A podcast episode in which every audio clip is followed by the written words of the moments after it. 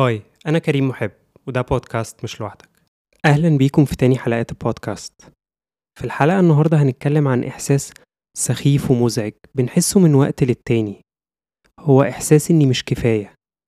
اللي بعمله واللي بقدمه للناس اللي حواليا مش كفاية. اللي بوصله واللي بحققه مش كفاية. إحساس بيخليني دايما شايف إن كل حاجة ناقصة. كل حاجة ناقصة حاجة. إحساس بيخليني دايما مش مرتاح. فلو أنت بتحس الإحساس ده من وقت للتاني بحب أقولك أنت مش لوحدك. في الحلقة النهاردة هنحاول نفهم الإحساس ده جاي منين وإيه أسبابه. هنحاول نلاقي حلول نتخلص من الإحساس المزعج ده. عشان نعرف السبب ورا الإحساس ده محتاجين نرجع لورا شوية. ورا شويتين كمان للطفولة بتاعتنا. أعتقد إنه معظمنا إذا ما كانش كلنا سمع شوية جمل في الطفولة بتاعته زي شايف فلان شاطر وبيسمع الكلام إزاي؟ شايفة فلانة هادية ورقيقة وبتتكلم إزاي؟ ليه تجيب تمانية من عشرة؟ ليه مش عشرة من عشرة؟ هو الأول ده أحسن منك في إيه؟ أنت ناقصك إيد ولا رجل؟ نكبر شوية ونلاقي نفسنا في ثانوية عامة وبنشوف مستقبلنا والجامعات اللي ممكن ندخلها ونسمع جمل زي ما أنت لو كنت فالح كان زمانك دكتور ولا مهندس. ولا انت لو كنت فالحة كان زمانك مخطوبة دلوقتي؟ جمل بتوصل رسالة واحدة إنه دايما في حد أحسن مني في حد أشطر مني في حد أذكى مني في حد أجمل مني. جمل ملخصها إني مهما عملت مش كفاية لأنه دايما في الحد ده في الحد اللي أحسن. خلاص يا فاشل. فاشل؟ يا فاشل. بلاش يا فندم الكلام ده. بتعصبك يا فاشل؟ آه بتعصبني. يا فاشل يا فاشل يا فاشل. ولو حظنا كان كويس شوية وعدينا من الجمل دي والرسايل دي بنسمع نوع تاني خالص من الرسايل. رسايل زي مش كفاية اللي إحنا بنعمله لك؟ مش كفاية جبنا لك الجزمة اللي انت عايزها ولا الموبايل اللي انت عايزه؟ مش كفاية سفرناك مع أصحابك زي ما انت عايز؟ جمل دايما بتبدأ بكلمة مش كفاية جمل بتحسسني إنه اللي بيتعمل لي ده كتير قوي وكأني ما استحقوش وكأن اللي قدامي بيمن عليا بالحاجة دي.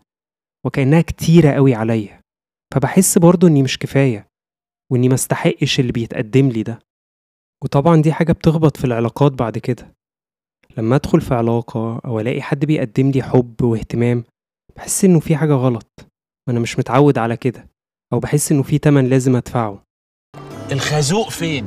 خازوق إيه؟ الخازوق فين؟ حد يطلع لي الخازوق أنا أنا قلقان المهم بقى إن أنت لو من الناس المحظوظة قوي وقدرت تعدي من المقارنات اللي كانت بتحصل في طفولتك وكمان فلتت من فكرة إنه اللي بيتقدم لك كتير قوي عليك تلاقي نفسك خبطت على طول في السوشيال ميديا. ما إحنا كل ما بنفتح السوشيال ميديا بنشوف صور ونماذج لناس بالنسبة لنا محققين حاجات كتيرة قوي. حاجات في شغلهم حاجات في علاقاتهم في جوازهم مع أولادهم. حاجات بنتخيل إن إحنا لو وصلنا لها أو وصلنا لجزء منها ساعتها بس هنحس إن إحنا كفاية. بس تعالوا أقول لكم على سر. كتير قوي بقعد في ال therapy sessions مع ناس لو شفناهم بره هنشاور عليهم ونقول الناس دي goals بالنسبة لنا role models عايزين نوصل للي هم واصلين له عايزين نحقق جزء من اللي هم محققينه. ناس بالنسبة لنا perfect والحقيقة إنه الناس دي بتيجي تتكلم في ال therapy sessions عن إحساسهم إن هم مش كفاية. بالرغم من كل اللي هم واصلين له بالرغم من كل اللي هم محققينه برضه بيشوفوا نفسهم مش كفاية. ويمكن الحالة دي بيسموها ال impostor syndrome فكرة إنه حد يبقى محقق حاجات كتيرة قوي واصل لمناصب كبيرة قوي والناس كلها شايفاه حد شاطر جدا في شغله في الحاجة اللي بيعملها بس هو دايما يبقى حاسس إنه مش حقيقي وإنه مش هي دي الحقيقة. وكأن الناس لو شافته فعلا وعرفته فعلا هتقول عكس كده.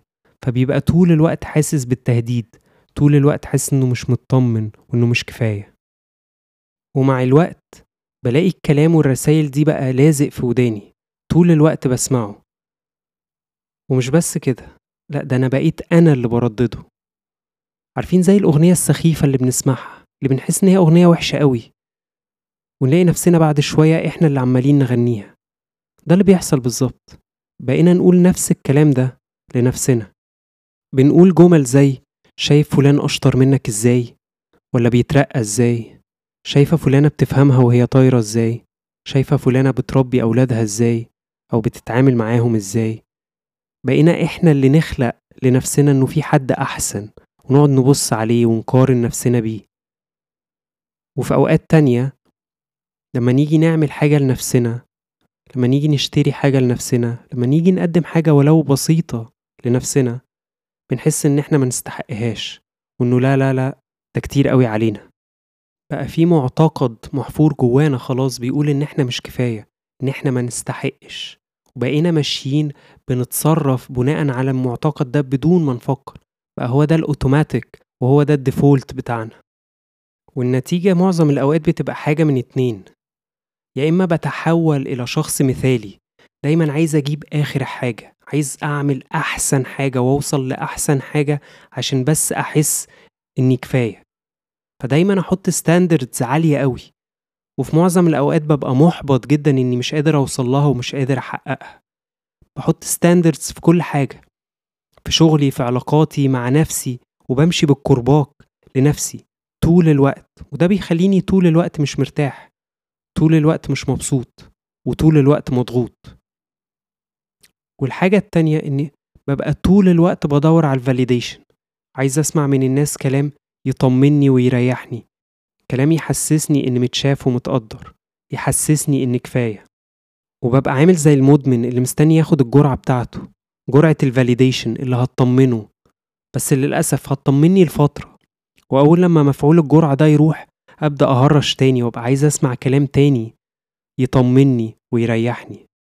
ومن كتر ما أنا بجري ورا الناس عشان أخد الفاليديشن عشان أطمن بخنقهم معايا. ضلمتها لكم قوي؟ طب تعالوا نحاول ننورها.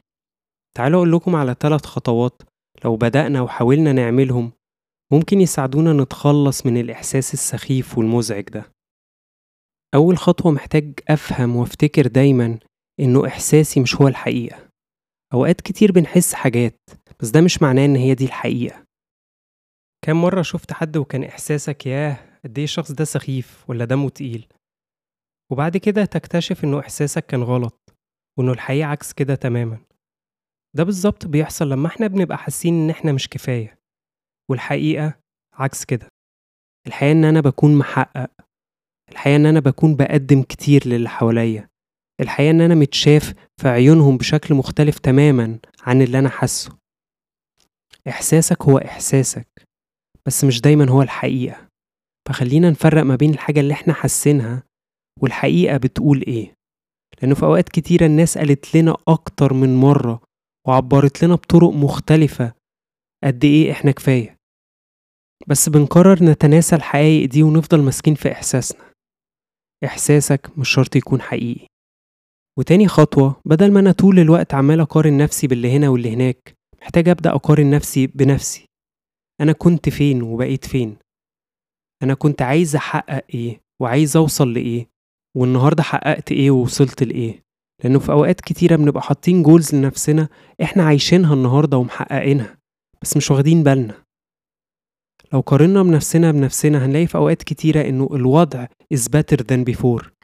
فخلينا دايما نقارن نفسنا بنفسنا بظروفنا إحنا بإمكانياتنا إحنا.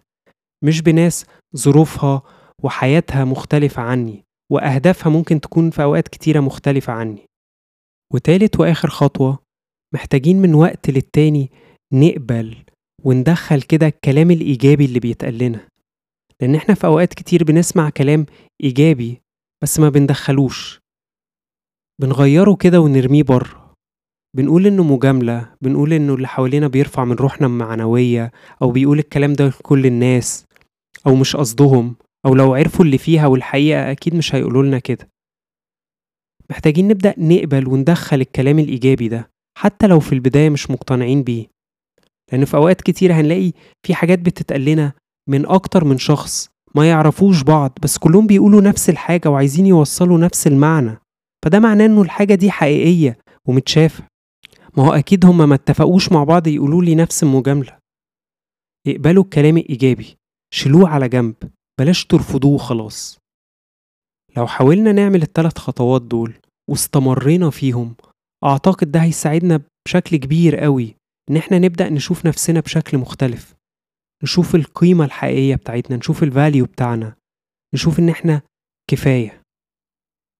السكة ممكن تكون طويلة بس افتكر أنت مش لوحدك. اعملوا subscribe واستنوا الحلقات الجاية. وافتكر أنت مش لوحدك.